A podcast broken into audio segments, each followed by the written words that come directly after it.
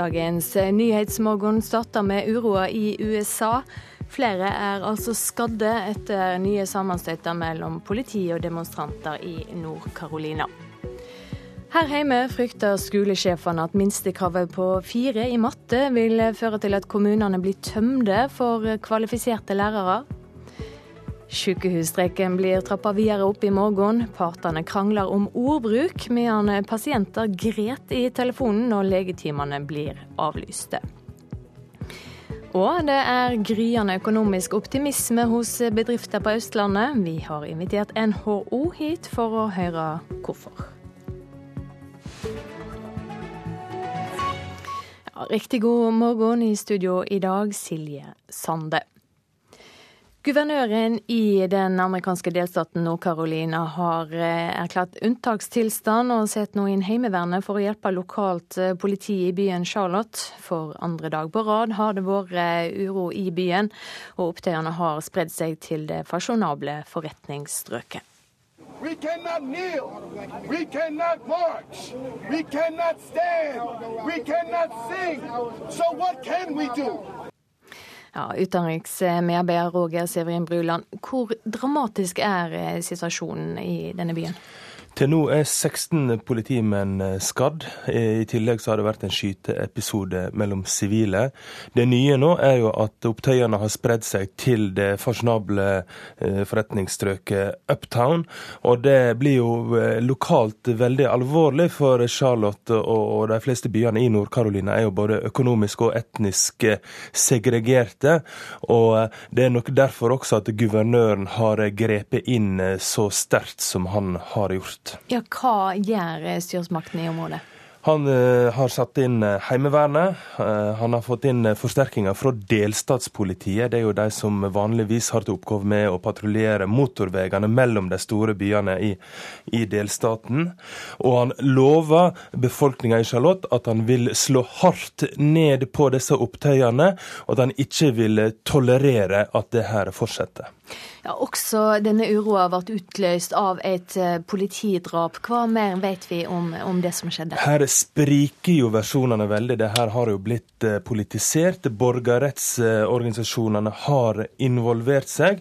Så eh, fra den drepte sine støttespillers side så blir det jo sagt at han skulle hente sønnen sin på skolen, bare på ei bok. Ble skutt og drept av politiet. Politiet sin versjon var at han var bevæpna. Han var ikke den pers personen som politiet var ute etter, men han var bevæpna og, og, gjorde noe som at politiet måtte eh, reagere på. Og Der står saken. Eh, men det som eh, vi sitter igjen med, som, som står utafor og observerer dette her eh, utafra, er at her må det ha vært veldig stor misnøye og frustrasjon i lang, lang tid. I tillegg til at det har vært eh, flere politiskytinger eh, den siste tida i USA. Takk eh, så langt, utenriksmedarbeider Roger Severin Bruland. Det er avgjørende å finne ut hva som skjedde da en humanitær hjelpekonvoi ble angrepet i Syria. Det sier generalsekretær i Nato Jens Stoltenberg etter et møte med den russiske utenriksministeren. De to ventes i New York sent i går kveld. Good to see you, Stemningen mellom de to var god da Jens Stoltenberg møtte Sergej Lavrov under FN-toppmøtet i New York. Men temaene var alvorlige nok. USA holder Russland ansvarlig for bombeangrepet på en kolonne med nødhjelp i Syria. 20 mennesker ble drept i angrepet. Russland benekter at de står bak det, og det samme har syriske myndigheter gjort.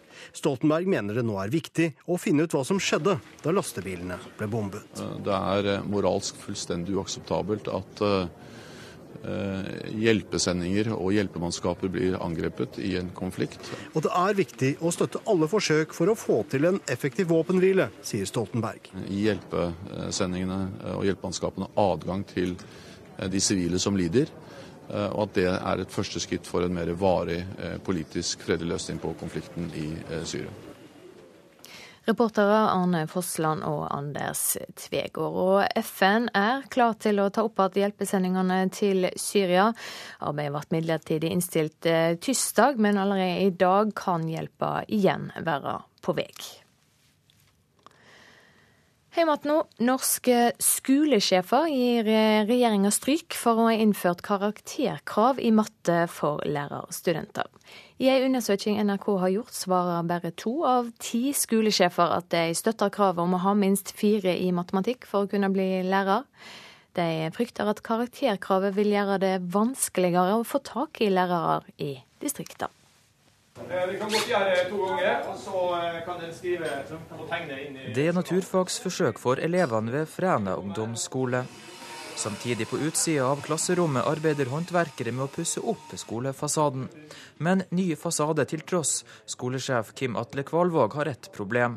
Kompetente søkere til ledige lærerstillinger står ikke akkurat i kø. Vi har hatt den, den tøffeste rekrutteringsjobben foran ta skoleåret her, som vi opplevde i hvert fall. Eh, og eh, det, det, er ikke sånn at vi, alle vi ansatte er gode pedagoger, er ikke noe med det. Men det er ikke alle som har den utdannelsen som vi gjerne skulle ønske at de hadde. Samtidig som Romsdalskommunen sliter med lærermangel, har regjeringa skjerpa kravene for å kunne bli grunnskolelærer. Karakterkravet på fire i matematikk har ført til at rundt 450 plasser i høst står ledige ved norske lærerskoler. Kvalvåg syns timinga er dårlig. Vi har òg et akutt problem i forhold til at eh, det blir en stor, eh, stor mengde lærere vi er nødt til å rekruttere inn de neste åra. Det er kanskje litt feil timing. I en landsdekkende NRK-undersøkelse svarer kun drøyt to av ti skolesjefer i Norge at de støtter innføring av karakterkrav i matte for lærerstudenter. Hele 60 sier klart nei til regjeringas tiltak. Det tror jeg er et direkte årsak at det skaper problemer hos de, da. Det sier forskningsleder for utdanning ved Nordlandsforskning, Bent Cato Hustad, som mener nedgangen i søkinga til læreryrket spesielt vil ramme distriktene, og kunne skape et større kvalitetsskille i undervisninga mellom by og land. Ja, det ligger det potensielt i det, at det blir forskjell på kvaliteten. Og da har man satt enhetsskolen under, under press, da. At eh, det ikke vil være likeverdig opplæring over hele landet. Hvor urovekkende er det? Jo, det er jo et bærende prinsipp vi har hatt i norsk skole, at har, alle skal ha de samme mulighetene og mulighetene til å utdanne seg og, og få den, den, sjansen i samfunnet som, som de tar sjøl. Men kunnskapsminister Torbjørn Røe Isaksen avviser bekymringa til skolesjefer og forskere, som altså mener karakterkrav i matte ikke er et godt tiltak. Jeg mener at Det som kan sette enhetsskolen under press, det er hvis vi fortsetter å se at det blir økende forskjeller mellom kommunene, nettopp fordi vi ikke har klart å gjøre noe med grunnleggende eh, mattekunnskapene, ikke klart å få en lærerutdanning som er god nok, ikke klart å rekruttere eh, de beste inn i lærerutdanninga. Når den er tom, så skal du ta fingeren under der. I Fræna er derimot skolesjefen ikke så opptatt av karakterene til de som kommer inn på lærerskolen. Vi er mer opptatt av hvem som kommer ut av lærerskolen enn hvem som kommer inn på lærerskolen. Det sa skolesjef Kim Atle Kvalvåg til reporter Adrian Dahl Johansen. Vi skal ta en kikk på dagens avisframsider. Den fengsla advokaten Amir Mirmotahari voldstruer sin egen klient, skriver VG. Da en varetektsfange ville bytte ut Mirmotahari, skal advokaten ifølge politiet ha trua med at noen skulle ta fangen i fengselet. Arbeiderpartiordfører Rita Ottervik er uroa over kuttforslag i Trondheimsskolen. Rådmannen i byen går inn for å kutte 27 millioner kroner fra ordinær undervisning, rundt en halv million ved hver skole, ifølge Adresseavisen. Dagens Næringsliv skriver at oljesmellen ikke ser ut til å knekke norske bedrifter. Kredittopplysningsselskapet Bisnode har tatt pulsen på de 113 000 selskapene som omsetter for over 1 million kroner i fjor. Overskuddet er blitt større, og de har aldri vært mer solide. Petter Stordalen foreslår kjempekutt i formuesskatt på aksjer. Til Finansavisen sier han at børsnoterte og ikke-børsnoterte selskap bør skattes likt. Medan Kjell Inge Røkke i dag blir likna for hele formuen sin, slipper Stordal å betale skatt med dagens system. I Bergen har byrådslederen bare flytta på småpenger i sitt første budsjettforslag. Det skriver politisk redaktør i Bergens Tidende. Og Bergensavisen har funnet fram en signert garanti fra den samme byrådslederen fra Arbeiderpartiet om at eiendomsskatten ikke skal øke. En soleklar bløff, sier Høyre-representant Hilde Onarheim. Skatteetaten og politiet har rulla opp det som trolig er det største skattejukset i private sjølmeldinger noen gang. 4000 mennesker skal ha fått hjelp til skattejuks for 400 millioner kroner. Ei undergraving av velferdssamfunnet, sier Skatt Øst til Aftenposten. Busspassasjerer på E18 som droppa å ta på seg sikkerhetsbelte, fikk 1500 kroner i bot, kan Fedrelandsvenn fortelle. Vegvesenet hadde stor kontroll ved Grimstad i går, og varsla større fokus på beltebruk. De nye fraværsreglene i videregående skole bryter med personvernet, skriver Dagsavisen. Kravene til fraværsdokumentasjon gir skole og lærere tilgang på langt flere helseopplysninger enn før, og det liker ikke direktør i tilsynet, Bjørn Erik Thon. Og Dagbladet bruker si framside på Märtha Louise, som fyller 45 år i dag. Nå er kongsdattera ute av skallet og har funnet seg sjøl, ifølge avisa.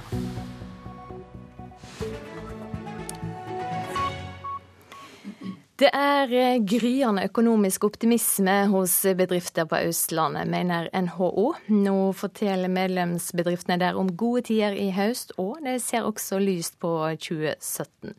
Ingebjørg Harto, næringspolitisk direktør i NHO, god morgen. God morgen. Hva er grunnen til at bedriftene i denne delen av landet er mer optimistiske nå? Det er jo viktig å fortsatt huske på at det er store regionale forskjeller, og at på Vestlandet, kanskje særlig i Rogaland og Møre og Romsdal, ser det ganske mørkt ut for mange bedrifter og ansatte. Eh, på Østlandet derimot, eh, og i andre deler av landet også, så ser vi jo at det er gryende optimisme, som du sa. Det skyldes at den økonomiske politikken virker, mener vi. Eh, det er stor eh, Finanspolitikken har vært ganske ekspansiv de siste to årene. Og vi har hatt en kronekurs som har hjulpet godt. I tillegg har vi hatt moderate lønnsoppgjør. Og alt dette da trekker i riktig retning for disse bransjene. Vil eh, bedriftene tilsette flere folk? I noen bransjer så sier de det. Eh, det er jo gryne, mer enn gryende optimisme både i bygg og anlegg, i reiseliv og i også eksportrettede eh, næringer.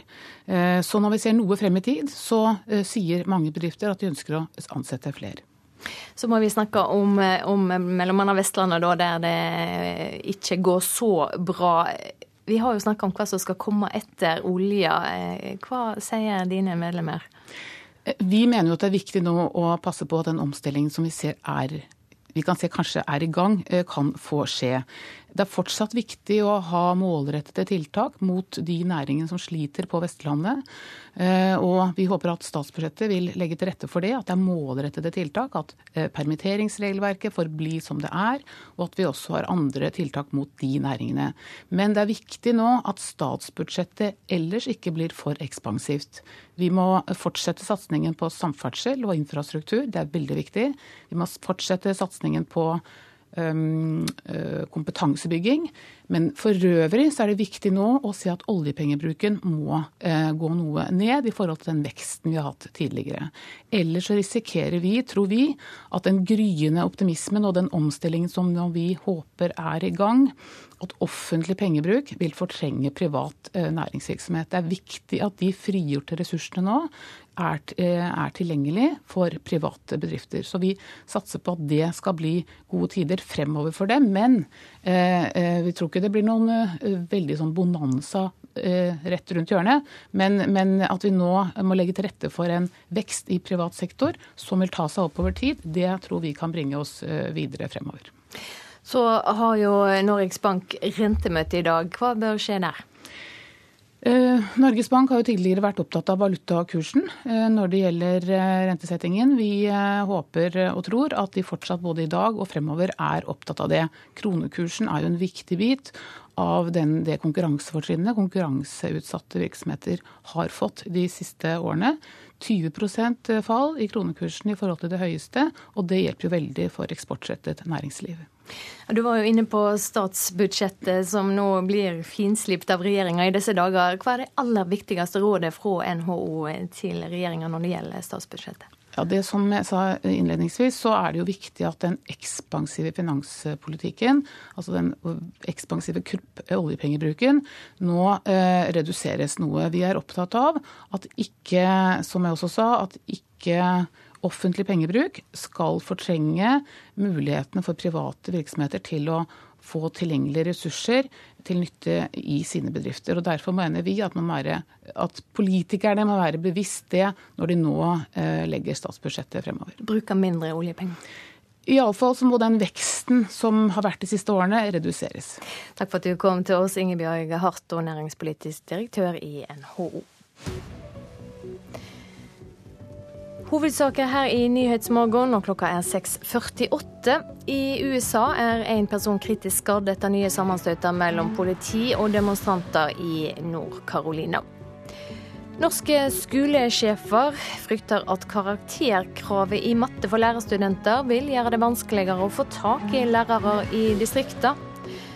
USA og Russland skal i dag leie et møte i støttegruppa for Syria. Møtet er et forsøk på å gjenopplive våpenhvila i landet. Så skal vi ha fotball her i Nyhetsmorgen. Tromsø så lenge ut til å være klare for semifinale i cupen, men ett minutt på overtid slo Rosenborg tilbake. Kampen i går kveld enda med ekstraomganger, straffesparkkonkurranse og full dramatikk.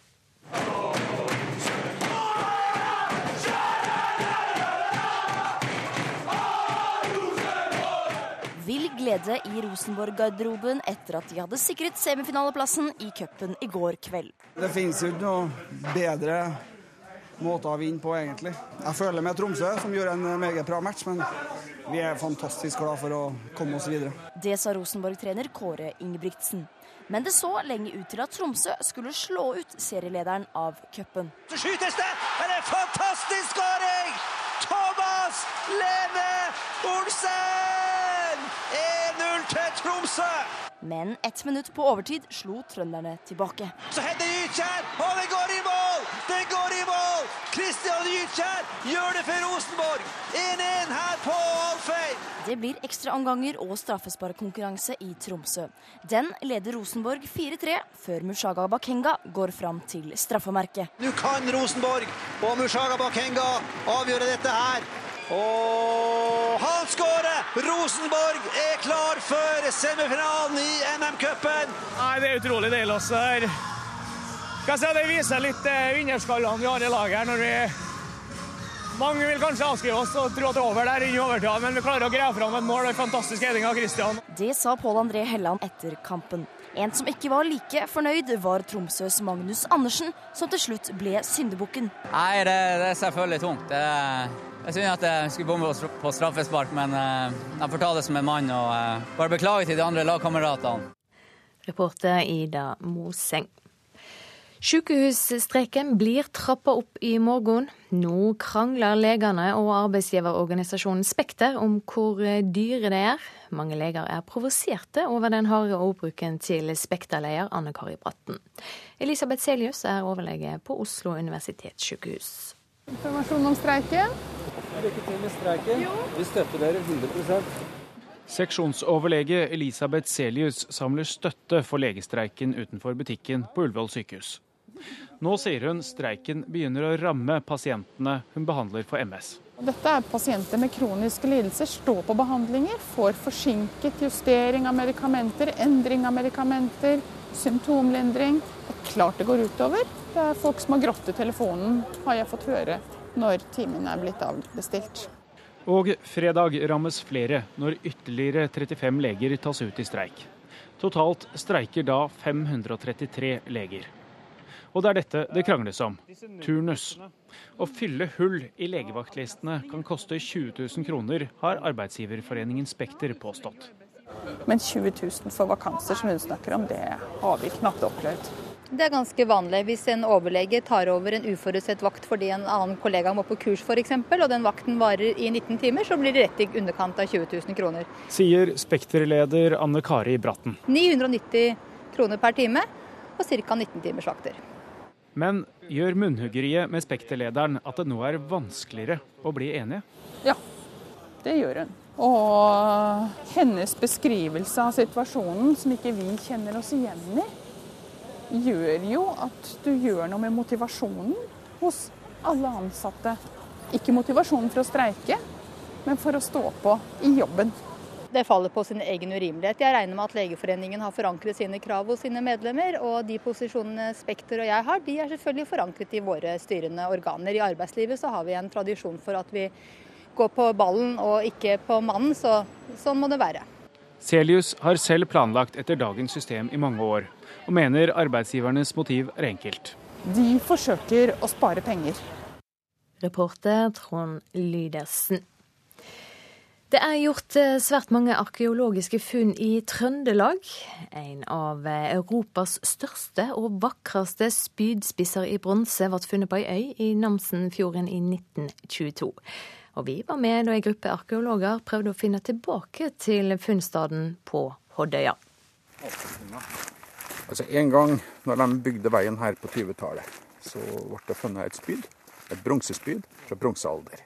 Sånn cirka ja, nå snart 2600 år gammelt.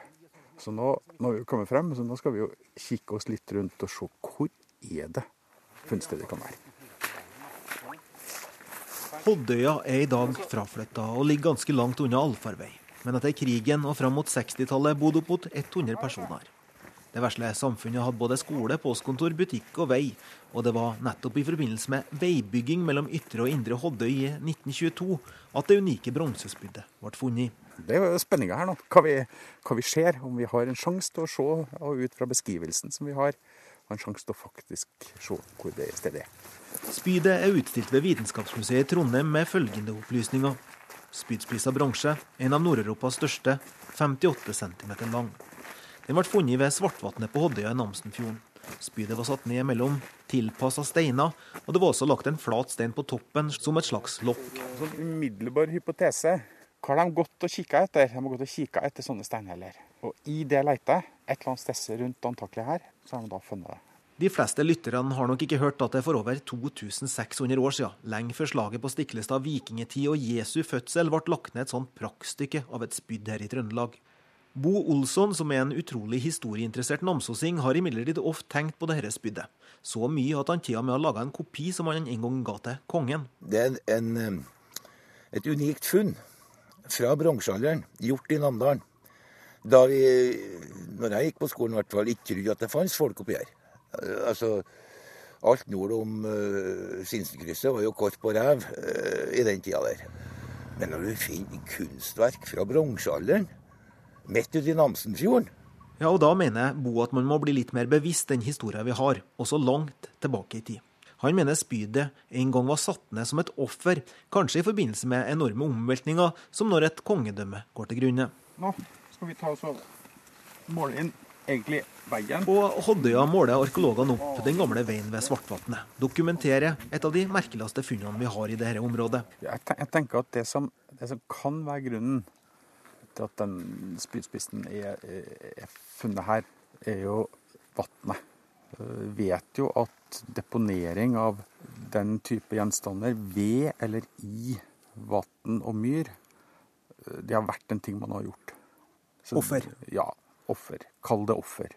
Den andre muligheten er jo at en grunn til at man har vært på øya her med noe såpass verdifullt, kan det være at øya har fungert som en form for møteplass. Kanskje peker dette litt ukjente funnet mot en ny forståelse av historien i bronsealderen. Kanskje er bosettinga litt mer intens og litt større enn vi har trodd. Fylkesarkeolog Lars Forseth til reporter Kjartan Trana. Så trass i at regnet bøtta ned, var det mange som samla seg i Slottsparken i Oslo i går kveld. Flere tusen ville få med seg utendørskinoen som kongeparet hadde invitert til. I går ble storfilmen 'Kongens nei' vist på Slottet. Været var ikke det man kan kalle helt konge, men publikum flokket seg i ullgensere og regntøy. Når vi først skulle ha utekino, så var det et lett valg å lande på denne filmen. Det sier Marianne Hagen, kommunikasjonssjef ved Det kongelige hoff. Det er sjeldent at en film får kongehusets velsignelse på denne måten, og det kom også overraskende på regissøren av Kongens nei, Erik Poppe. På et tidspunkt så ringte de meg og spurte om eh, jeg kunne tenke meg å stille filmen til rådighet for en uh, utekino. Men kongehuset har en policy på at det ikke skal være lov å bruke Slottet i kommersielle sammenhenger. Poppe mener at dette ikke har noe med markedsføringen av Kongens nei å gjøre. Dette her er det vel egentlig ingen som tjener noe på, nødvendigvis. Kjell Terje Ringdal er førstelektor i retorikk ved Høgskolen Kristiania. Han mener at dette kan ses på som reklame for filmen, men Hvis man da skulle vært moralsk forarget over at man knytter seg opp til kulturelle fenomener, filmer, bøker osv., så, videre, så hadde vi risikert at vi hadde skjøvet kongehuset inn i en slags eh, lullende skygge, hvor de altså hadde sittet frakoblet fra det som skjer der ute. Reporter Philip Johannesborg. Så skal vi ha et eh, værvarsel. Austafjells og i fjellet. Sønnavind, skyer og enkelte regnbyger, vesentlig på Sørlandet. Vestlandet sør for Stad får også noe regn, tiltakende om kvelden. Fra i ettermiddag øker vind til sørlig liten kuling på kysten. I Møre og Romsdal og Trøndelag starter dagen med tørt vær, men i kveld blir det sørlig liten kuling ytst på Sunnmøre, etter hvert litt regn. Det blir eh, fremdeles sommerlig i Nord-Norge, og med unntak av litt regn i Lofoten eh, tidlig på dagen det ventet, er det venta mye fint vær. Det kan bli morgenskodde, særlig nær kysten og i fjordene. Og på Spitsberget minker vinden eh, gradvis til vestlig bris. Det blir fremdeles litt regn av og til, og etter hvert overgang til snø i nord. Så har vi lista over temperaturene målte for eh, to timer siden. Svalbard lufthavn 3, Kirkenes og Vardø 9, Alta 8, Tromsø-Langnes 7, Bodø 11, Brønnøysund 15, Trondheim-Værnes 12, Molde og Bergen-Flesland 13. Stavanger, der mangler vi data. Kristiansand, Kjevik, Gardermoen og Lillehammer hadde alle 13 grader. Røros 9, Oslo, Blindern 15 grader. Flere er skadd etter nye sammenstøt i Charlotte. Oslo kommune har brutt diskrimineringsloven med hijab-nekt. Her er NRK Dagsnytt klokken sju. Guvernøren i Nord-Carolina erklærer unntakstilstand og setter inn Heimevernet for å hjelpe lokalt politi i Charlotte. For andre dag på rad har det vært opptøyer i den amerikanske byen. Det forteller utenriksmedarbeider Roger Severin Bruland. Til nå er 16 politimenn eh, skadd. I tillegg så har det vært en skyteepisode mellom sivile. Det nye nå er jo at opptøyene har spredd seg til det fasjonable eh, forretningsstrøket Uptown. Og det blir jo eh, lokalt veldig alvorlig, for Charlotte og de fleste byene i Nord-Carolina er jo både økonomisk og etnisk segregerte. Og det er nok derfor også at guvernøren har grepet inn så sterkt som han har gjort. Ja, Hva gjør styresmaktene i området?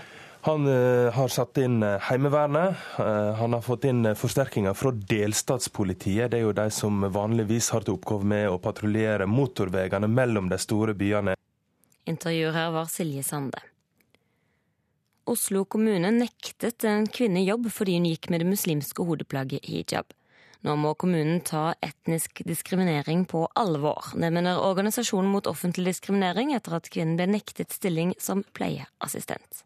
Jeg tenker at Det er svært uheldig. Det viser at Oslo kommune ikke har god nok kjennskap til lovverket. I januar i år søkte en 21 år gammel kvinne på stillingen som pleieassistent i hjemmetjenesten i Ullern bydel i Oslo. Brukeren i hjemmetjenesten ønsket ikke at det skulle ansettes en assistent som gikk med hijab. Etter intervjuet mottok kvinnen en SMS fra en av de ansatte i bydelen. NRK har sett SMS-en hvor den ansatte tilbød kvinnen stillingen, men kun dersom hun kunne tenke seg å jobbe uten hijab. Eh, det viser at de heller ikke har god nok mannfolkskompetanse, og det er på tide at de begynner å ta konsekvensen av dette her. Det er svært beklagelig at det skjedde. Det skulle aldri ha skjedd. Det sier direktør i bydel Ullern, Marie Annbjørg Joten. Vi forsøker å strekke oss så langt vi kan overfor brukernes egne ønsker, og her har vi strukket oss for langt. Reporter her var Iram Ansari. Skatteetaten mener at 4000 personer har fått hjelp til å kreve falske fradrag for over 400 millioner kroner. Ifølge Aftenposten startet denne saken med at en vietnamesisk kvinne ble tiltalt for å ha sendt over 3000 selvangivelser på vegne av over 2000 skattebetalere.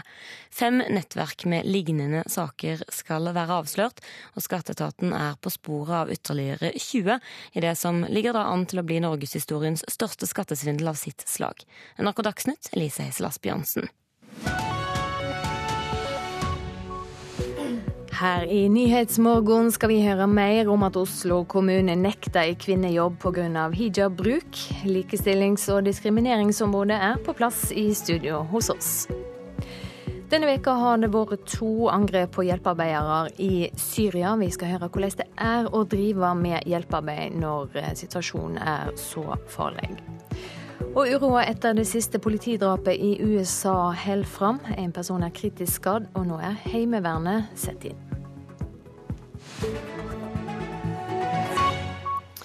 Ja, Oslo kommune brøt altså lova da ei kvinne ble nekta jobb som pleieassistent fordi hun bruker det muslimske hovedplagget hijab. Nå må kommunen ta etnisk diskriminering på alvor. Det mener organisasjonen mot offentlig diskriminering, OMOD. Man vet at eh, diskriminering skjer i arbeidslivet, også i Oslo kommune og det offentlige.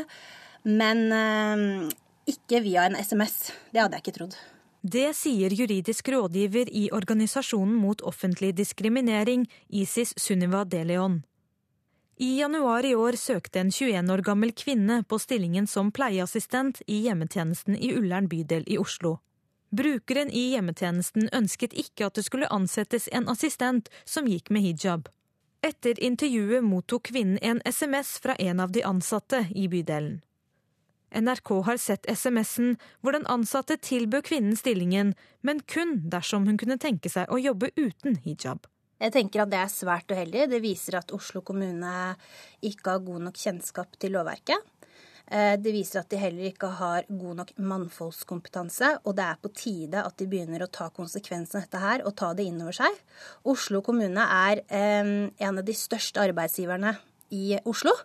Og de burde gå frem med et godt eksempel og ikke diskriminere eh, fremtidige ansatte. Det er svært beklagelig at det skjedde. Det skulle aldri ha skjedd. Det sier direktør i bydel Ullern, Marie Annbjørg Joten. Vi forsøker å strekke oss så langt vi kan overfor brukernes egne ønsker, og her har vi strukket oss for langt.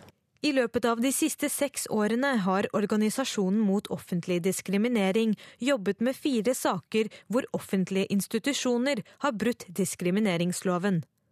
Oslo kommune har brutt loven i to av tilfellene. Joten sier bydelen nå vil innføre nye instrukser i opplæring og kursing av sine ansatte, for å sørge for at de ikke bryter loven igjen. Vi vil jo sette enda større fokus på diskrimineringsloven enn det vi har gjort fram til nå, selv om vi har hatt fokus på det tidligere òg.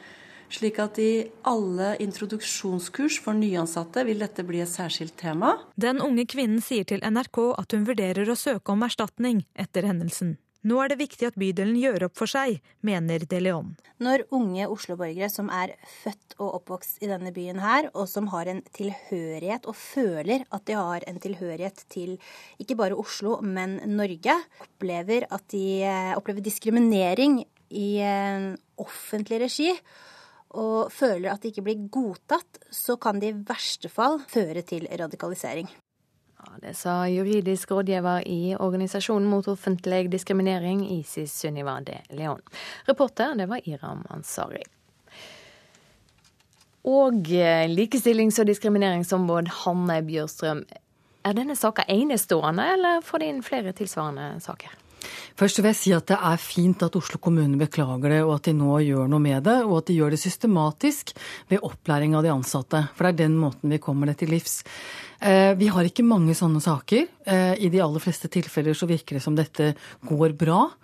Eh, men vi har en økning i saker knyttet til ulike utfordringer knyttet til religiøse symboler og bruk av det i arbeidslivet, ja. Eh, hva eh, tenker du om det, at det der er en øke? Eh, jeg tenker at det er et uttrykk for at eh, vi har flere personer i Norge som ønsker å uttrykke sin religion gjennom bruk av religiøse symboler. Eh, det, kan, det er ikke bare, bare, muslimer, det er ofte der vi fokuserer, men det kan være andre grupper òg. Det er viktig at Eh, vi presiserer at det er trosfrihet, og det er ikke, man skal ikke diskrimineres på bakgrunn av dette. Så, så denne saken var viktig i den forstand at den, den løfter problemstillingen opp, og vi får vist at dette ikke er lovlig. Men som sagt, jeg er glad for at kommunen tar tak i det. Ja, Oslo kommune starter nå med kursing. Hvordan står det til med kunnskapen på dette feltet i det offentlige? Det er jo det som er problemet, at vi kan kanskje ikke nok. Når jeg sier at ikke vi har mange saker, og at jeg tror at i de fleste tilfeller så ordner dette seg, så vet vi ikke nok om det. Og vi vet jo at mange arbeidsgivere har Kanskje ikke ut fra vond vilje, men, men, fordommer knyttet til ting som fremstår for dem som annerledes. Og vi jobber også veldig mye nå i forhold til arbeidslivet med hele rekrutteringsprosessen.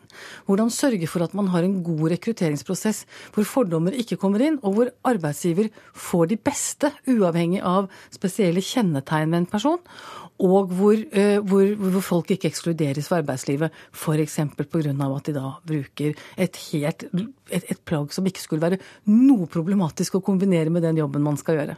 Men her var det jo snakk om en uh, bruker som skulle ha en personlig assistent. Er det ikke rimelig at denne brukeren får uh, mene noe om det? Eh, ja og nei. Vi kan jo ikke tillate at en bruker setter krav som er diskriminerende overfor enkeltarbeidstakere. Det går ikke. Eh, så, så, der må vi være absolutte. Men her var det snakk om hijab. Hvor går grensene da for tildekking til dømmes? For hva som er innafor og utafor? Altså Hijab, for folk som ikke er så inne i alle begrepene, så handler dette om noe som ligner et skaut på hodet. Det er en helt uproblematisk ting i de aller, aller fleste arbeidssituasjoner. Ehm, så kan det oppstå situasjoner hvor man har heldekkende, altså hvor man dekker hele ansiktet. Jeg syns det er vanskelig å si helt generelt hva som er hvor grensene går. I utgangspunktet så man, eh, kan man kle seg som man vil, og så er det en, en vurdering om det er et saklig grunnlag etter diskrimineringslovgivningen til å uh, si at her går ikke dette i forhold til denne arbeidsoppgaven. Jeg opplever at arbeidslivet stort sett uh, ordner dette når man er inne i arbeidslivet. Min bekymring bekymring er jo om man utelukker folk fra å komme inn fordi man har fordommer. Men når du sier det er vanskelig å sette grenser, da må en jo kanskje forstå at arbeidsgiverne synes det er vanskelig? Nei, jeg tror ikke det er vanskelig. Jeg sier, at ikke, at jeg, jeg sier ikke at det er vanskelig, men man kan vanskelig si det på et helt generelt grunnlag. Eh, mitt poeng er at hijab eh, Jeg kan ikke se eh, når man skal si at hijab er uforenlig med, arbeids, med, med, med, en, med en, arbeidsfunksjon. Så kan jeg se at f.eks. bruk av et heldekkende eh, eh, antrekk er vanskelig hvis man jobber f.eks. For i forhold til pasienter. Kan det være en utfordring? Hvor, hvor ansiktet og, og kontakt med personer personen er veldig viktig.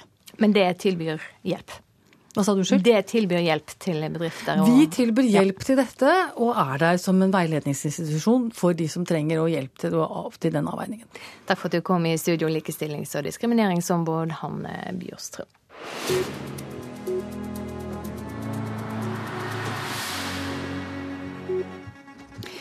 Så skal vi høre at nesten 14% av pasientene på norske sykehus i fjor opplevde å få minst én pasientskade. Infeksjon er en av de vanligste skadene pasienter kan få på sykehus. Jim Tuven fra Blekkvassli i Nordland sier han fikk en sykehusinfeksjon etter en operasjon i vinter. Jeg var på sykehuset i forbindelse med en operasjon for å stabilisere bekkenet som var, jeg har brudd i. Da var jeg så uheldig at jeg fikk en infeksjon av gule stafylokokker. Operasjonen på Ullevål i Oslo skulle rette opp en gammel skade etter ei motorsykkelulykke. Men som mange andre pasienter fikk 54 år gamle Jim Tuven en infeksjon med på kjøpet, og sier at han ble ganske dårlig etterpå. Slapp og elendig, rett og slett. Feber og ja, hele pakka. Selv om andelen pasienter som får skader på sykehus har gått litt ned, vil helsedirektør Bjørn Gullvåg at helsetjenesten skal gjøre mer for å unngå skader. Det er for mange som skades i sykehusene. 13,7% i 2015. Og vi tror det er mulig å få det tallet ned ytterligere. Bjørn Gullvåg sier at helsetjenesten kan lære mye av flybransjen og oljeindustrien når det gjelder holdninger til sikkerhet. Jeg tror helsepersonell er veldig opptatt av å unngå pasientskader. Men eh, vi vet samtidig at mange eh, føler at de ikke jobber i et miljø som har en tilstrekkelig oppmerksomhet på det. Jim Tuven sier at han er fornøyd med behandlinga han har fått på Ullevål sykehus av den gamle skaden sin, selv om han har måttet ta antibiotika i månedsvis etter sykehusinfeksjonen. Jeg har gått på antibiotika nå i januar og fram til nå.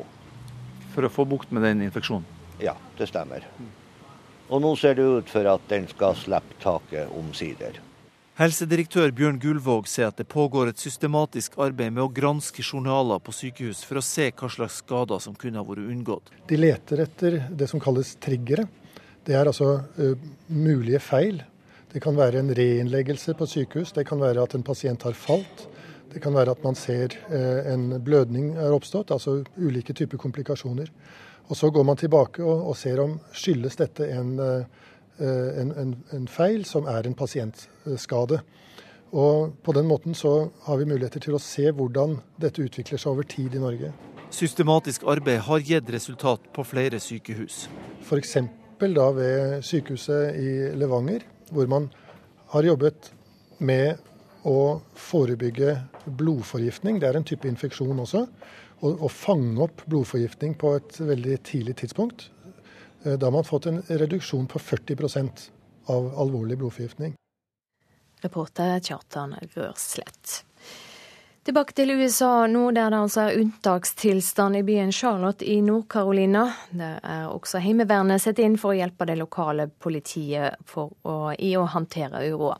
Sammenstøtene starta etter at en afroamerikansk mann ble skutt av politiet. For andre dag på rad slåss politi og demonstranter i Charlotte. Opptøyene har spredd seg til Uptown, Charlottes Karl Johan. Butikker og kjøpesentre har blitt plyndra.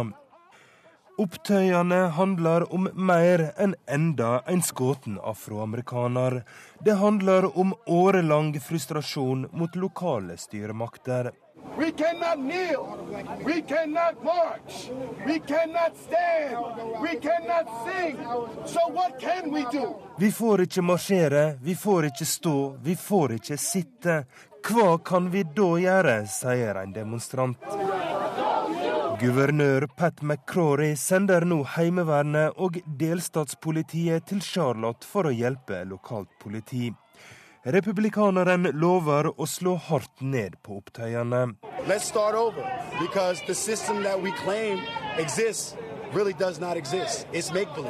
Dette er bevis på at systemet er pill råttent, sier en demonstrant. Systemkritikken kommer også fra borgerrettsgrupper som krever at politivideoen av skytinga blir offentliggjort.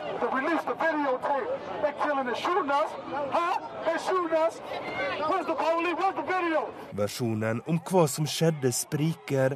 Noen mener den skutte bar på ei bok, andre pistol. Øyevitne i nabolaget kaller det ei moderne lynsjing.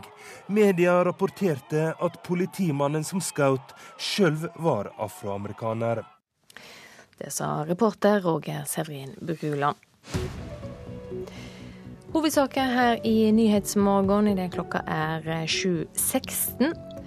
Oslo kommune brøt lova da ei kvinne ble nekta jobb som pleieassistent fordi hun bruker det muslimske hovedplagget hijab. Nå har kommunen starta opplæring av sine ansatte. Mer enn én av ti får pasientskade etter sykehus. Det er for mange, mener helsedirektøren. Og norske skolesjefer gir regjeringa stryk for å ha innført karakterkrav i matte for lærerstudenter. De frykter det vil bli vanskeligere å få tak i kvalifiserte lærere i distriktene. Nå skal det handle om eh, Syria. USA og Russland skal i dag leie et nytt møte i støttegruppa for Syria, i et forsøk på å redde, eller kanskje gjenopplive våpenhvila i det krigsherja landet. Det stadfester en talsmann for amerikanske styresmakter. Både ei FN-kolonne med nødhjelp og hjelpeorganisasjonen International Union of Medical Care and Relief Organizations, UOSSM, har vært utsatt for angrep i Syria de siste dagene. UOSSM samarbeider med den norske organisasjonen Novak i Syria. Vår korrespondent Sissel Wold har møtt leger fra begge de to organisasjonene i tyrkiske Gaziantep.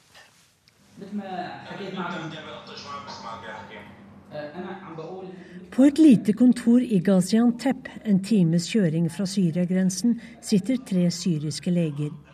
De snakker med en kollega på et sykehus inne i Aleppo for å høre hva han trenger mest nå. Dr. Sedun Al-Zobi er leder for Union of Medical Care and Relief Organizations, UOSSM, i Gaziantep. Vår store drøm er våpenhvile, sier han. For nå er det nesten umulig å få sendt inn hjelp. Need medicine, need vaccine, need food, need water.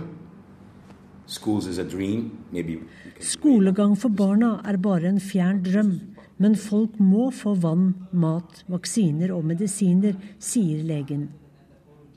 Han er en av samarbeidspartnerne til den norske hjelpeorganisasjonen Norvak. Nabil Kara er medisinsk rådgiver for Norvak. Try our best to keep Syrian doctors and uh, nurses uh, in Syria. Et av prosjektene våre er å få leger og sykepleiere til å bli i Syria, mot en liten lønn, sier Kara. Uh, it's, it's Men helsetjenestene i Syria er ikke dekket, for å si det mildt.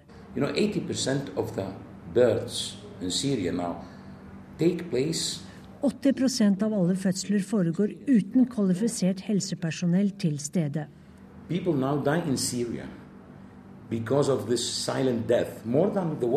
Dr. Sedun al-Sobi sier at de fleste som dør i Syria, ikke dør i krigshandlinger, men fordi de ikke får medisinsk hjelp. Da den siste våpenhvilen ble forhandlet frem, bevilget den norske regjeringen optimistisk 50 millioner kroner til en ekstra helseinnsats. Uh, På bare en uke ble vi enige med Utenriksdepartementet om å sende en ekstra lastebil med utstyr til Aleppo, forteller Nabil Kara til NRK. Han møter al-Sobi i Gaziantep for å organisere denne ekstrahjelpen. Men hvordan skal medisinsk utstyr komme inn nå som nødhjelpskolonner risikerer å bli bombet fra lufta og angrepet? For i går mistet al-Sobi fem kolleger. De ble drept da to ambulanser og et helsesenter ved Aleppo ble angrepet. Hvordan er det å sende medarbeidere med nødhjelp inn i Syria, når ingen av partene synes å respektere krigens regler om å beskytte dem? Ja, det sa vår korrespondent Sissel Wold. Da har vi fått eh, gjest i studio, Erik Fosse, god morgen. Morgen. Lege og daglig leder i hjelpeorganisasjonen Norvak. Hvordan er det å jobbe i krigsområdet? Nei, Jeg syns den legen som ble intervjuet fra Syria, eh, beskrev dette veldig godt. Det er en helt håpløs situasjon. Fordi eh, du mangler alt. Eh, selv pasienter dør av de enkleste ting. Eh, vi ser også at de, de, tåler veldig lite fordi de har mange dager, kanskje uker, med for lite mat. Eh, de første ofrene i krig det er ofte de med kroniske sykdom. Og som vi hørte, også barn og kvinner. Eh, mange komplikasjoner i forbindelse med fødsler. WTO publiserte denne uken en rapport som jeg har vært med på å utarbeide. Vi har et internasjonalt team som eh, undersøkte forholdene for helsevesenet i eh, hele Syria i løpet av våren. Og det er nesten ubeskrivelig hvor improvisert nesten hele helsevesenet må være. Alt er brutt sammen. Helsevesenet i dag trenger en masse teknologi. Leverandørene av teknologisk utstyr har jo flyktet alle sammen, så det er også ikke mulig å få reservedeler, vedlikehold. Røntgenapparatet, dialyseapparatet bryter sammen, og derved dør også pasienter med, som er avhengig av denne teknologien. Likevel står altså helsepersonell på inne i Syria for å prøve å gjøre så godt de kan. Hva da når eh, helsepersonell og hjelpepersonell blir direkte mål for angrep? Nei, Dette er eh, også en, en, nesten håpløs situasjon. Men du kan si at uh, dedikert helsepersonell de er jo opptatt av pasientene. og dette har jeg jo merket selv, at når du, når du, er i en situasjon hvor oppgavene blir så enorme, og du har så lite hjelpemidler, så blir du så engasjert i det at du glemmer på mange måter deg selv. Og derfor så stiller de opp. Og det som er viktig for oss, det er jo at eh, det er mulig for helsearbeidere å være inne. Derfor støtter vi dem jo med moderate lønninger. Og så lenge de får det, så vil de heller være der enn å flykte, for der kan de gjøre jobben sin, og der gir livet mening. Ja, For det tør ikke å sende norske leger inn? Nei, vi kan ikke sende norsk helsepersonell med det risikonivået som er nå. Hvordan er det da å betale andre for å måtte stå i det? Ja det, ja, det, vil jeg jo si er uh, kanskje mye viktigere. Norsk helsepersonell som rykker ut, vil jo alltid være et slags fremmedelement. Uh, for oss uh, har det helt siden krigen begynte vært vesentlig å prøve å opprettholde den normale infrastrukturen. Det er jo altså det normale helsevesenet, det normale skolene. Eh, også det som ble berørt av eh, de som ble intervjuet her. Det at eh, samfunnet fungerer og de normale institusjonene fungerer, det er absolutt det beste. Og etter vår mening så bør all nødhjelp også bidra til å styrke og opprettholde det eksisterende helsevesenet og den eksisterende strukturen. Det er jo også et langsiktig perspektiv. FN sier nå at de er klare til å ta opp igjen hjelpesendinger til Syria, kanskje allerede i dag. Har du tro på det? Det er jo veldig vanskelig å si eh, sånn som denne situasjonen er. Jeg håper at det er mulig å få noe inn. Eh, altså, alt som kan komme inn eh, nå, betyr noe. Men igjen, som sagt, hvis et et, eh, en slags infrastruktur, at sykehuset skal fungere, at folk skal kunne gå til sykehuset for å behandle kreften sin, eller uh, at kvinner skal kunne føde under noenlunde anstendige forhold, uh, så krever det jo mer enn noen nødhjelpssendinger. Takk for at du kom i studio til oss, Erik Fosse fra hjelpeorganisasjonen Novak. Vi skal ta en kikk på dagens aviser. Den fengsla advokaten Amir Mirmotahari voldstruer sin egen klient, skriver VG. Da en varetektsfange vil eh, bytte ut Mirmotahari, skal advokaten ifølge politiet ha trua med at noen skulle ta fangen i fengselet. Arbeiderpartiordfører Rita Ottervik er uroa over kuttforslag i Trondheimsskolen. Rådmannen i byen går inn for å kutte 27 millioner kroner fra ordinær undervisning, ifølge Adresseavisen. Dagens Næringsliv skriver at oljesmellen ikke ser ut til å knekke norske bedrifter. Kredittopplysningsselskapet Bisnode har tatt pulsen på de 113 selskapene som omsetter for over 1 million kroner i fjor. Overskuddene er blitt større, og de har aldri vært mer solide. Petter Stordalen foreslår kjempekutt i formuesskatt på aksjer. Til Finansavisen sier han at børsnoterte og ikke børsnoterte selskap bør skattes likt. Medan Kjell Inge Røkke i dag blir likna for hele formuen sin, slipper Stordalen å betale skatt med dagens system. I Bergen har byrådslederen bare flytta på småpenger i sitt første budsjettforslag. Det skriver politisk redaktør i Bergenstidene. Bergensavisen har funnet fram en signert garanti fra den samme byrådslederen fra Arbeiderpartiet om at eiendomsskatten ikke skal øke. En soleklar bløff, sier Høyre-representant Hilde Onarheim. Skatteetaten og politiet har rulla opp det som trolig er det største skattejukset i private sjølmeldinger noen gang. 4000 mennesker skal ha fått hjelp til skattejuks for 400 millioner kroner. Ei undergraving av velferdssamfunnet, sier Skatt Øst til Aftenposten. Og Dagbladet bruker si framside på Märtha Louise, som fyller 45 år i dag. Nå er kongsdattera ute av skallet og har funnet seg sjøl, ifølge avisa. Nå skal vi til eh, Odda i Hordaland. Det er en av tre kommuner som skal være med i et internasjonalt prosjekt for å rekruttere flere fastleger. I lang tid har kommunen slitt med fastlegedekninga.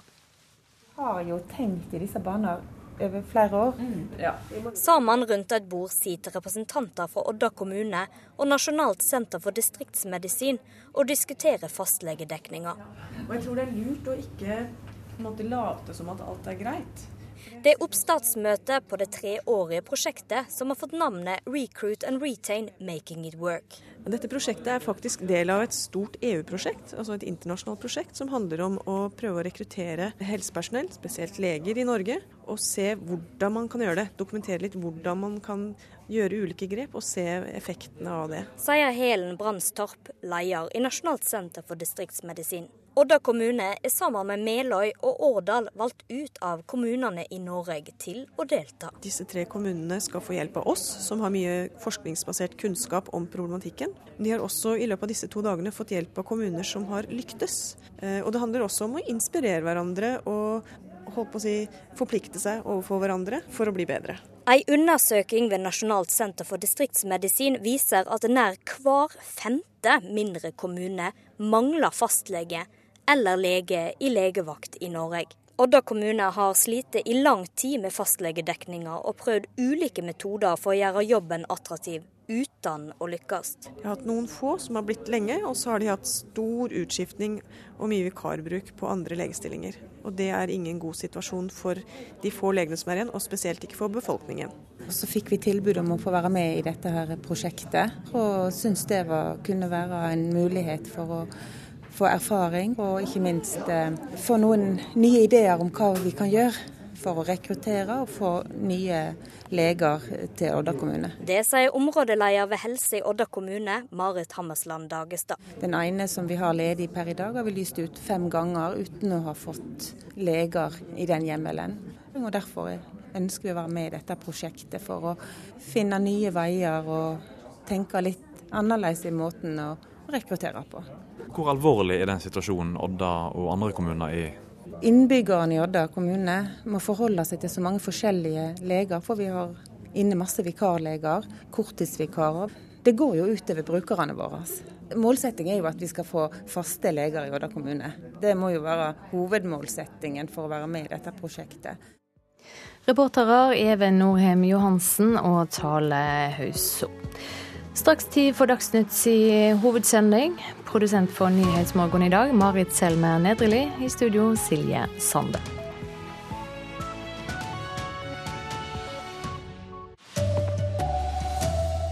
Unntakstilstand i Charlotte. En demonstrant er lagt i respirator. Oslo har brutt loven, nektet kvinner med hijab jobb. Ordbruken mellom leger og ledere blir stadig hardere. I morgen blir legestreiken trappet opp. Her er NRK Dagsnytt, klokken er 7.30. I USA er det nå unntakstilstand i byen Charlotte i Nord-Carolina. Også hjemmevernet er satt inn for å håndtere uroen. Sammenstøtene startet etter at en afroamerikansk mann ble skutt av politiet. For andre dag på rad slåss politi og demonstranter i Charlotte. Opptøyene har spredd seg til Uptown, Charlottes Karl Johan. Butikker og kjøpesentre har blitt plyndra. Opptøyene handler om mer enn enda en skutt afroamerikaner. Det handler om årelang frustrasjon mot lokale styremakter. We cannot kneel. We cannot march. We cannot stand. We cannot sing. So what can we do? Vi får ikke marsjere, vi får ikke stå, vi får ikke sitte. Hva kan vi da gjøre, sier en demonstrant. Guvernør Pat McCrory sender nå Heimevernet og delstatspolitiet til Charlotte for å hjelpe lokalt politi. Republikaneren lover å slå hardt ned på opptøyene.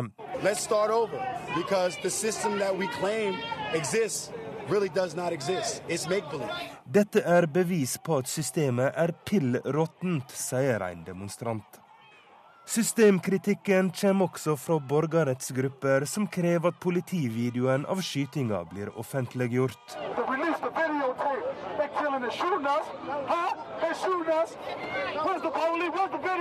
Versjonen om hva som skjedde, spriker.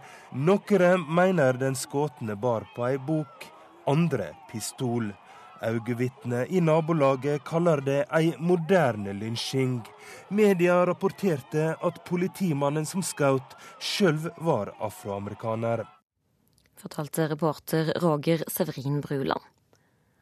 Oslo kommune nektet en kvinne jobb fordi hun gikk med det muslimske hodeplagget hijab.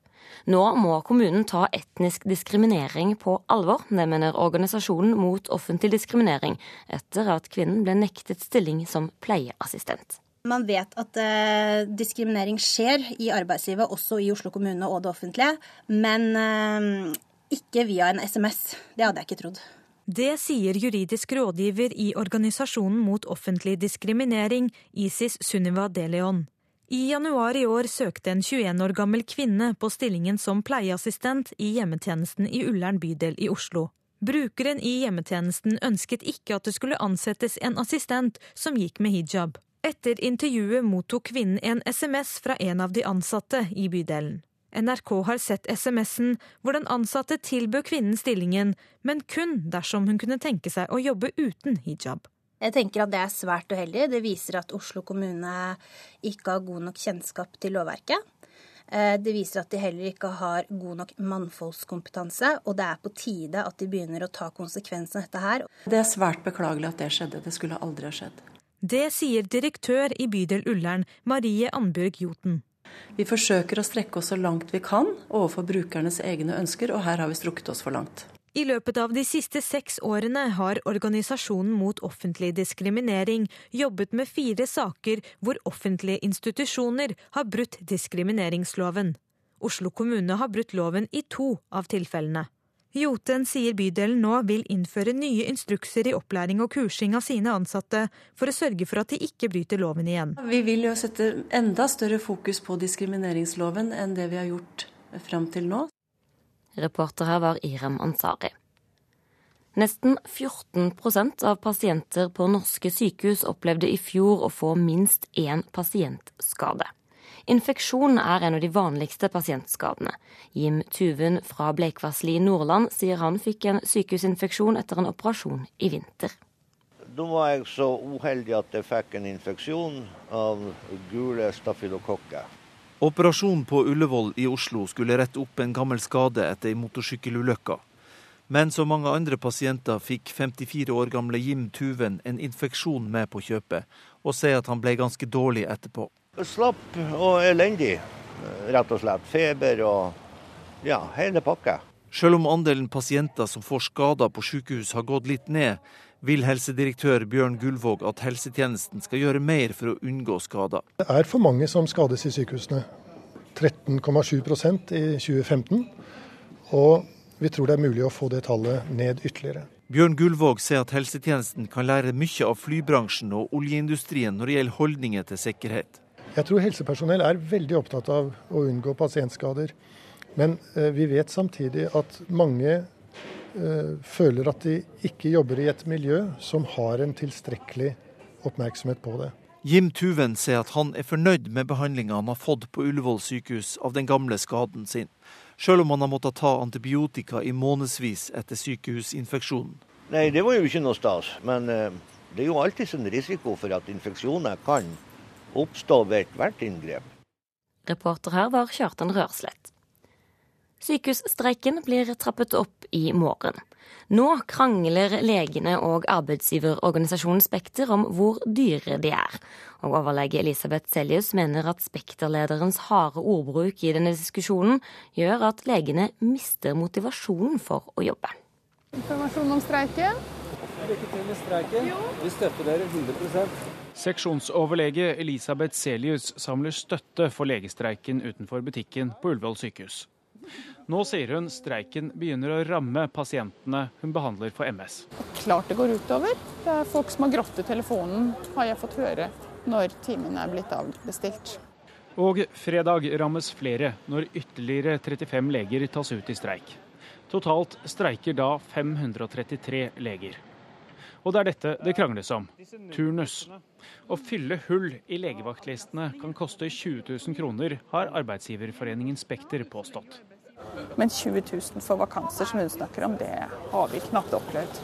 Det er ganske vanlig hvis en overlege tar over en uforutsett vakt fordi en annen kollega må på kurs f.eks., og den vakten varer i 19 timer, så blir det rett i underkant av 20 000 kroner. Sier Spekter-leder Anne Kari Bratten. 990 kroner per time og ca. 19 timers vakter. Men gjør munnhuggeriet med Spekter-lederen at det nå er vanskeligere å bli enige? Ja, det gjør hun. Og hennes beskrivelse av situasjonen, som ikke vi kjenner oss igjen i, gjør jo at du gjør noe med motivasjonen hos alle ansatte. Ikke motivasjonen for å streike, men for å stå på i jobben. Reporter her var Trond Lydersen. Norske skolesjefer gir regjeringen stryk for å ha innført karakterkrav i matte for lærerstudenter. I en NRK-undersøkelse svarer kun 27% av skolesjefene at de støtter kravet til en firer i matematikk for å kunne bli lærer. Frykten er at karakterkrav og økt lærermangel kommer til å tømme distriktene for kvalifiserte lærere i framtiden. Vi kan godt gjøre det to ganger, og så kan dere skrive og tegne inn i Det er naturfagsforsøk for elevene ved Fræna ungdomsskole. Samtidig på utsida av klasserommet arbeider håndverkere med å pusse opp skolefasaden. Men ny fasade til tross, skolesjef Kim Atle Kvalvåg har et problem. Uten tvil, vi har hatt den, den tøffeste rekrutteringsjobben foran av skoleåret her, som vi har opplevd i hvert fall. Samtidig som Romsdalskommunen sliter med lærermangel, har regjeringa skjerpa kravene for å kunne bli grunnskolelærer. Karakterkravet på fire i matematikk har ført til at rundt 450 plasser i høst står ledige ved norske lærerskoler.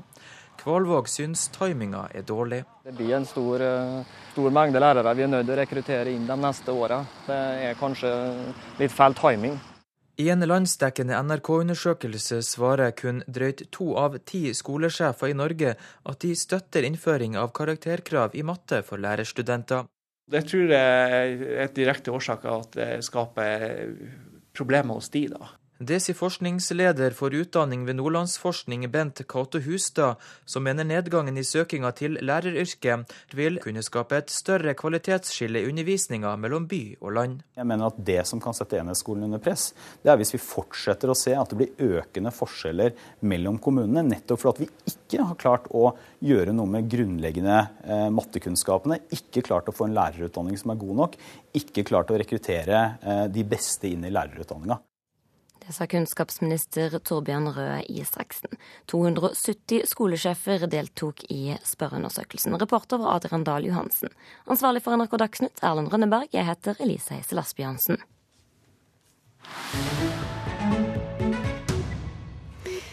Her i Nyhetsmorgen skal vi høre at mer enn 150 år etter at slaveriet ble oppheva i USA, er nå tida kommet for mange til å ta et oppgjør med fortida.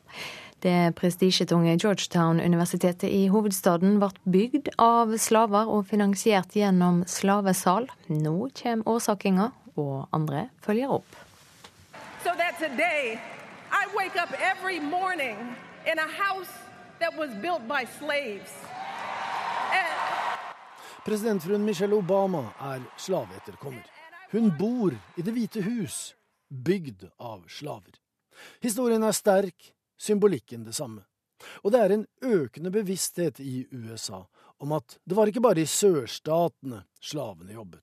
Dette er ikke noe nytt, det har vært kjent lenge, men nå er mange amerikanere, uansett hudfarge, i ferd med å ta det inn over seg, samt gjøre noe med det.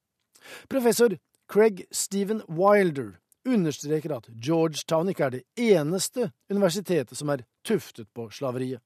Men ingen har tatt et så grundig oppgjør med fortiden som det Georgetown nå gjør. That step takes the, the response to slavery further than any other institution um, has gone. And so the story of American education, higher education in particular, is the story of American slavery. USAs to første, og etter manges mening blant de største presidenter, George Washington og Thomas Jefferson, var slaveeiere slik de fleste i deres sjikt og klasse av plantasjeeiere i sørstatene var den gangen. Men i dag sees de ofte med vår tids øyne og vurderes med tilbakevirkende kraft. Både på Mount Vernon, der Washington bodde, og på Monticello, Jeffersons hjem, er det i dag museer med egne slaveomvisninger. Susan Stein er en av dem som arbeider med å sette de to herrer inn i deres samtidssammenheng. In America, in his time, 20% of all the population was enslaved. And Jefferson was one of those slaveholders. Avhengig av hvordan man kategoriserer etniske grupper, så er det mellom 10 og 15% helt eller delvis svarte i USA i dag, altså pluss minus 35 millioner mennesker med betydelig slingringsmonn. En stor velgergruppe som tradisjonelt stemmer demokratisk. Og skal Donald Trump vinne valget, så må han erobre en viss andel av de afroamerikanske stemmene. What do you have to lose by trying something new like Trump? I de siste 50 år har den demokratiske kandidaten aldri hatt under 80% av de svartes stemmer.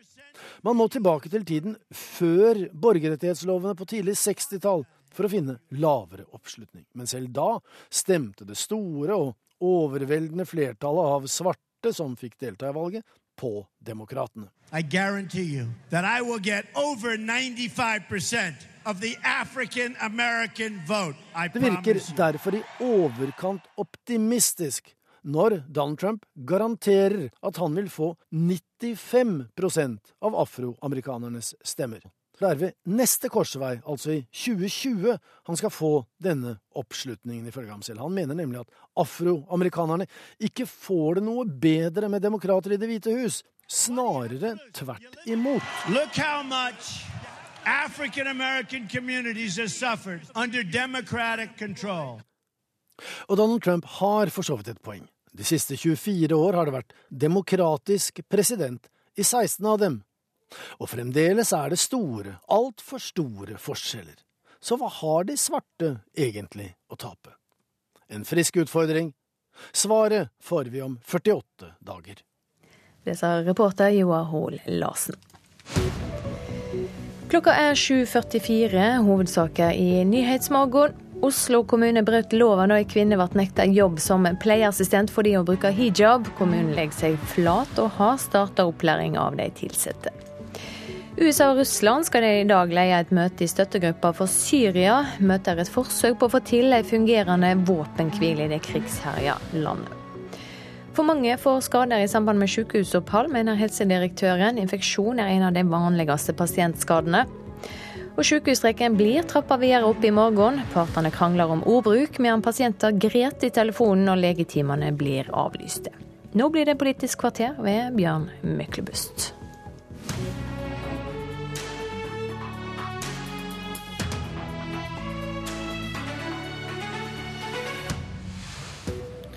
En sorgens dag for Jonas Gahr Støre, sa Siv Jensen. Det var en rapport som gjorde henne lykkelig. Er den beviset på at Arbeiderpartiet tok feil? At regjeringens politikk mot arbeidsledigheten var den riktige? Vi får se hvem som er lykkeligst om et kvarter.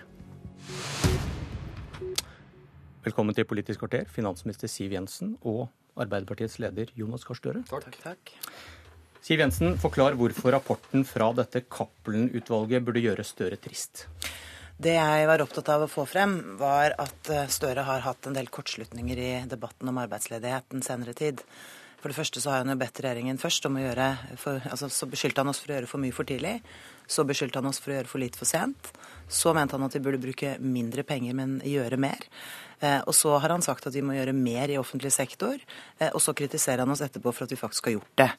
Eh, jeg syns det er viktig å diskutere hvordan vi raskest mulig skal få arbeidsledigheten i Norge ned. Regjeringen mener at måten å gjøre det på er gjennom kortsiktige tiltak som løser de akutte utfordringene i arbeidsmarkedet. Men samtidig så er vi nødt til å legge til rette for omstilling. Rett og slett fordi oljesektoren blir mindre, og vi må skape nye arbeidsplasser andre steder. Og da må vi legge til rette for private investeringer. Og da trenger vi et konkurransedyktig skattesystem, vi trenger infrastrukturinvesteringer, og vi trenger å satse på forskning og utvikling. Og alt det har regjeringen gjort. Og konklusjonen til dette utvalget er da sitat utvalget mener at den økonomiske politikken har bidratt til å stabilisere økonomien etter fallet i oljeprisen og nedgangen i oljeinvesteringene. Og da, da du sier at denne konklusjonen står i grell kontrast til Støres kritikk, og at det burde være en sorgens dag for ham. Støre har sagt eh, helt systematisk gjennom to år at regjeringen ikke har eh, gjort jobben sin.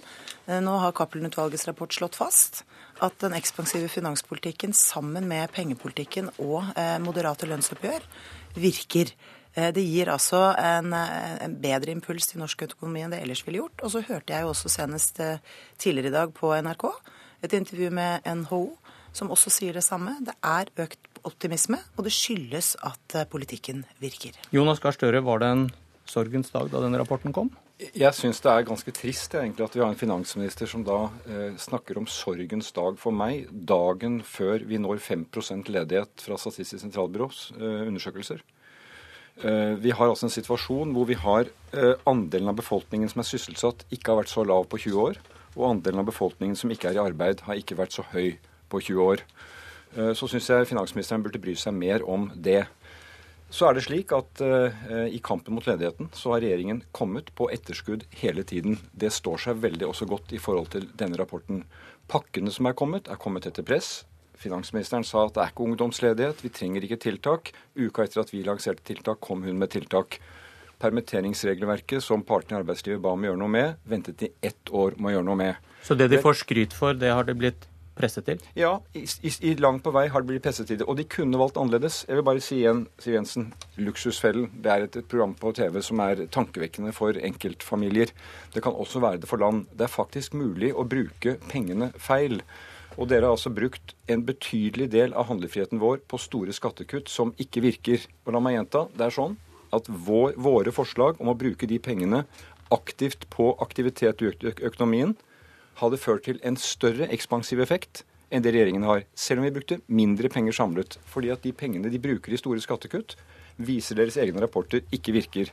Men den debatten vi også bør ha her, det er jo det denne rapporten egentlig sier noe om. Det er hvordan den norske modellen virker. Altså hvordan budsjettet fra regjeringen, hvordan renta fra Norges Bank og hvordan lønnsoppgjørene fungerer. Det er en modell som Siv Jensen ville gå til krig mot før valget, og som hun nå har programforslag i sitt eget program Fremskrittspartiet, som går ut på å svekke ytterligere. Det burde vi virkelig ta tak i. Han høres ikke så trist ut, Jensen. La meg først si at eh, det aller viktigste arbeidet for regjeringen og meg er å bidra til at eh, vi kommer gjennom denne omstillingsutfordringen så raskt og så smertefylt som overhodet mulig. Det er vanskelig. Det er mange bedrifter, enkeltpersoner og familier, særlig på Sør- og Vestlandet, som syns situasjonen er vanskelig. Nettopp derfor har regjeringen satt inn forsterkede tiltak i størrelsesorden 5 milliarder kroner målrettet mot den regionen for å dempe utslagene. Eh, men så må jeg jo si at Støres eh, tolkning av denne luksusfellen er litt bisarr. Da hans eh, egen regjering la frem handlingsregelen tilbake i 2001 hans forrige partileder, eh, Jens Stoltenberg, så var hele poenget at man skulle bruke mer oljepenger på vekstfremmende skattelettelser, på forskning og innovasjon og på utdanning. Det har regjeringen gjort. Så skjønner jeg at Arbeiderpartiet nå ikke lenger mener at skattelette er viktig. Men vi har altså både eh, lagt frem en skattereform som Arbeiderpartiet i all hovedsak har sluttet seg til, det syns jeg er bra. Men der hvor vi skiller lag, er jo i synet på formuesskatten. Vi mener altså at det er galt å straffe norske eiere av norske bedrifter i Norge Eh, og gi de en eh, ulempe i forhold til utenlandske eiere av bedrifter i Norge. Derfor har vi vært opptatt av det, særlig fordi formuesskatten slår så skjevt ut at du også må betale den i tider hvor du går med underskudd, hvor bedrifter risikerer å gå konkurs. Den debatten har vi hatt eh, mange ganger. Mitt poeng er at regjeringens egne studier, uavhengige studier, viser at hvis du skal bruke skatt til å få til aktivitet, så er formuesskatten en veldig dårlig virkemiddel. De pengene som du får i skattelette på formuesskatten, fører til at mange mennesker putter dem i banken, sparer dem, ikke setter dem i aktivitet. Og Statistisk sentralbyrå har vist veldig tydelig at hvis du bruker de pengene målrettet, så får du større aktivitet. Det er noe uenighet om det. Men det interessante med denne Nei, Nei, det er det ikke uenighet om. Det er vi enige om. Jo, men derfor så mener jeg dere har brukt handlefriheten galt. Dere kunne fått mer aktivitet, mer trykk i økonomien. Vi har brukt dem også målrettet. Men det som er interessant med denne Cappelen-rapporten, er at den følger opp tidligere rapporter hvor partene i arbeidslivet på arbeidsgiversiden og arbeidstakersiden studerer den norske modellen. Virker den? Og poenget er at den virker. En av grunnene til at den virker, er at vi har ansvarlige parter i arbeidslivet. At vi har lønnsoppgjør som leverer lave, eh, lønns, eh, moderate oppgjør. Og Siv Jensen hun erklærte før valget at denne modellen vil hun gå til krig mot. Og nå har hun levert et programforslag i Fremskrittspartiet som vil ha ytterligere midlertidige eh, stillinger. Som vil likestille organiserte og uorganiserte i arbeidslivet. Og som vil svekke ikke eh, eh, de sentrale oppgjørene, altså bort fra sentrale oppgjør som leverer disse gode resultatene. Okay. Så Sånn sett er det en sorgens dag for denne modellen at vi har en finansminister som sitter og forvalter det på den måten. Du, kan jeg eh, bare få gi noen veldig, veldig kort. Jo, men altså, Det er ingen uenighet om at det som virker best i en akutt situasjon, er å bruke mer penger på å stimulere gjennom offentlig sektor, og det har regjeringen gjort. Men din kritikk i etterkant av det er jo at da har vi brukt for mye penger på offentlig sektor og skapt for mye sysselsetting sysselsetting der. Men, Men det da... må altså være mulig å ha to tanker i hodet samtidig. Vi må både løse de kortsiktige utfordringene med akutte virkemidler. Grunnen til at regjeringen er opptatt av skattereduksjoner, er fordi det legger bedre til rette for omstilling. Det legger bedre til rette for mer vekst i privat næringsvirksomhet. Okay, det er mulig Arbeiderpartiet ikke er opptatt av det, men det er altså vi. Eh, vi eh, du sier at denne rapporten til Cappelen den, eh, den, står da i grell kontrast til det Jonas Gahr Støre har hevdet om deres politikk, og at det da på en måte slår beina under Eh, hans, eh, hans egne resonnementer. Og vi spurte Odne Cappelen, utvalgslederen, om eh, hvordan rapporten skulle forstås. Har regjeringen håndtert oljeprisfallet på best mulig måte? Vil du gjette hva han svarte? Jeg har forholdt meg til det han sa på pressekonferansen da jeg tok imot rapporten, og det som står i den. Og på side 32 Jeg har allerede lest det. Ja, på side 32 i denne rapporten så står det at vi har en ekspansiv finanspolitikk. eh, At det har bidratt til å holde oppe sysselsettingen og aktiviteten i en tid der etterspørselen fra oljesektoren faller. Og det er jo nettopp vært hele poenget. Vi spurte Cappelen har regjeringen håndtert oljeprisfallet på best mulig måte. Kan man uh, si det ut fra rapporten? Og han svarte vi har ikke gått inn og diskutert de detaljene i politikken. Det finnes jo partipolitisk uenighet om hvordan innretningen av finanspolitikken skal være. Det er ikke tema for oss. Driver ikke du med misbruk av denne rapporten? Nei, fordi det de understreker er jo at en ekspansiv eh, finanspolitikk virker. Og vi har fått kritikk fra Jonas det, Gahr Støre. det pekte du på selv at det er det jo ingen som er uenig i. Bruker Jo, du ekstra penger, så virker det sånn som Cappelen slår fast. Hele min kritikk av Jonas Gahr Støre i dette har jo handlet om at han har kritisert oss for å bruke for mye penger. Arbeiderpartiet har sagt at de ønsker å redusere oljepengebruken, de ønsker å spare mer i oljefondet. Det blir det ikke mindre eh, aktivitet av i en tid hvor vi har lavere konjunkturer. Men sier ikke Cappelen her at konklusjonene ikke kan brukes som noe godkjentstempel på din politikk, like lite som en slakt av Arbeiderpartiet? Nei, jeg mener han slår fast det rapporten sier, nemlig at en ekspansiv finanspolitikk har hjulpet oss i en krevende tid. Det har jo vært helt riktig å bruke mer penger. Vi går ikke inn og diskuterer de detaljene i politikken, sier han. Nei, og det er riktig. Og dere er jo enige om å bruke penger? Ja, Nei, Arbeiderpartiet vil jo bruke mindre penger. De har jo kritisert oss for å bruke for mye. Jeg mener det har vært riktig å bruke mer penger i krevende tider, men vi har altså brukt de både på å øke aktiviteten i, på Sør- og Vestlandet, hvor man har hatt særlige problemer, og vi har brukt det på innovasjon, forskning, utvikling og ikke minst på vekstfremmende skattelettelser. Og det kommer vi til å fortsette med, fordi det legger forholdene bedre til rette for at vi skaper flere arbeidsplasser. Ved hver korsvei siden denne regjeringen tok over, før oljeprisen falt, så gikk denne regjeringen i oljefondet for å løse alle eh, problemer. Det gjorde gjorde din regjering også. Vår, altså det har vært større uttak på tre år enn det var under ti år på oss i veksten i, de, i det forbruket. Så dette er rekorder som er slått. Og det sier også rapporten. Dette kan ikke vare. Poenget er at det er ikke noe imponerende å bruke mye penger. Spørsmålet er hvordan du prioriterer og hvilke penger du bruker.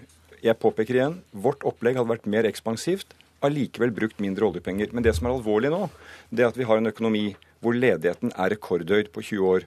Samtidig så skapes det ikke nye arbeidsplasser. Tre av fire arbeidsplasser som er kommet under denne regjeringen, er kommet i offentlig sektor. Vi er for flere sykepleiere, for flere politifolk, flere lærere. Men poenget er at den jobbskapingmaskinen som privat sektor er, den virker ikke. I vår tid, jeg må minne om det, ble det skapt 360 000 arbeidsplasser gjennom ti år. Det var ikke vi som skaffet dem, det var bedriftene som gjorde det, til tross for finanskrise. To Men av tre i kan- sektor. Og da er poenget mitt større, at, det, at, at, kan- at resepten, medisinen hennes, virker ikke. Men kan, og det er det du, hun må ta inn over seg. Kan du nevne én økonom, som ikke er medlem av Arbeiderpartiet, da, som mener at du kan sammenligne hvor mange arbeidsplasser som skapes i gode tider, med hvor mange arbeidsplasser som skapes i dårlige? Nei, det kan jeg ikke nevne én økonom, men vi hadde nå jammen meg dårlige tider også. Vi hadde altså tidenes finanskrise. eh, Du kan ikke nevne én økonom som støtter din sammenligning? Jo, altså jeg kan støtte en økonom som viser til at politikken Alle økonomer sier jo stort sett at den bruk av virkemidler som regjeringen har, formuesskattekuttene, de usosiale kuttene, de skaper ikke aktivitet i økonomien, de skaper noe helt annet. Men du drar alltid fram finanskrisen. Hvor høy var oljeprisen ganske kort tid etter finanskrisen? Ja, den falt, og så gikk den opp igjen. Men Til over 100 dollar. Nå er den godt under 50. Ja, det er helt riktig. Jeg har jo aldri anklaget regjeringen for at oljeprisen falt. Men poenget er at regjeringen har jo selv sagt at Men du fortsetter å mene at det er en grei sammenligning, og du kan ikke nevne en økonom Jo. som støtter at en slik sammenligning er plausibel. Men det du stilte meg spørsmålet er, kan du finne en økonom som kan støtte at dårlige tider er det samme som gode tider? Selvfølgelig er det forskjell på det. Vi hadde også en Men god du bruker det på, som, Nei, men som jeg ser, jo- jeg ser jo en periode over åtte år med tidenes finanskrise i midten, så hadde vi allikevel jobbvekst. Og poenget mitt er nå synker sysselsettingen. Og denne finansministeren som mente at det var så mye fett i offentlig sektor at hun ville gå til krig mot byråkratiet, det er meget uh, lite ærbødig uh, anklage mot de som jobber i byråkratiet. Hun har altså skapt tre av fire nye arbeidsplasser nettopp i det byråkratiet. Ni nye hver dag. Og mitt poeng er da hovedvirkemidlet hennes, disse skattekuttene, som skal få aktivitet, som skal få økonomien i gang, de virker ikke. Og det mener jeg denne rapporten viser. Og så mener jeg igjen, la meg understreke det som alle er på jobb, Fremskrittspartiet går til valg på at de ønsker mer midlertidighet i arbeidslivet, Bort fra den sentrale lønnsdannelsen som gir så gode resultater som vi nå har. Eh, og hun vil ha altså eh, redusert vekt på at folk er organisert, enten det er bedrifter eller ansatte.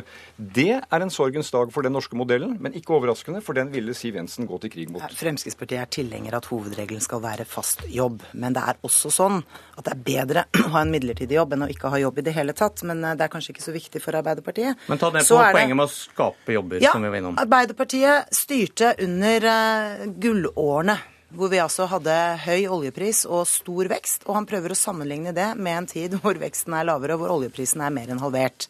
Det er en uredelig sammenligning. I tillegg sammenligner man åtte år med tre.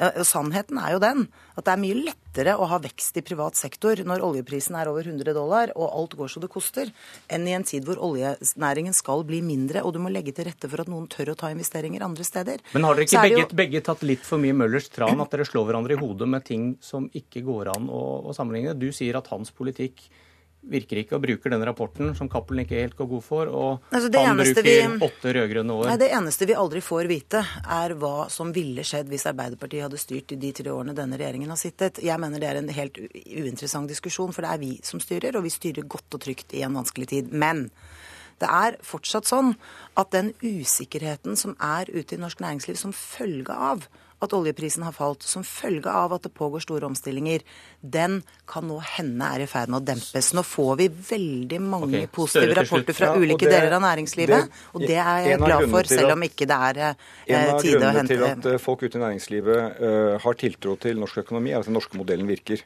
at lønnsoppgjørene virker, og at vi har faste hele stillinger og et ordnet arbeidsliv. Og Da minner jeg bare på igjen, finansministerens parti går imot dette i sin innstilling til partiprogram. Mer uorganisert arbeid, bort fra denne lønnsdannelsen som gir moderate okay. oppgjør. Det er dårlig nyhet for bedriftene og dårlig nyhet for de som skal investere. Nye vikarierende argumenter, hører jeg, men det er ikke så rart når du har en dårlig sak fra før. Vi rakk ikke alle spørsmålene om uh, nye boka til Robert Eriksson Siv Jensen. Vi får ta det en annen dag. vi får nesten gjøre det, da. Ja. Takk for i dag. Det var Politisk kvarter. Jeg heter Bjørn Myklebust.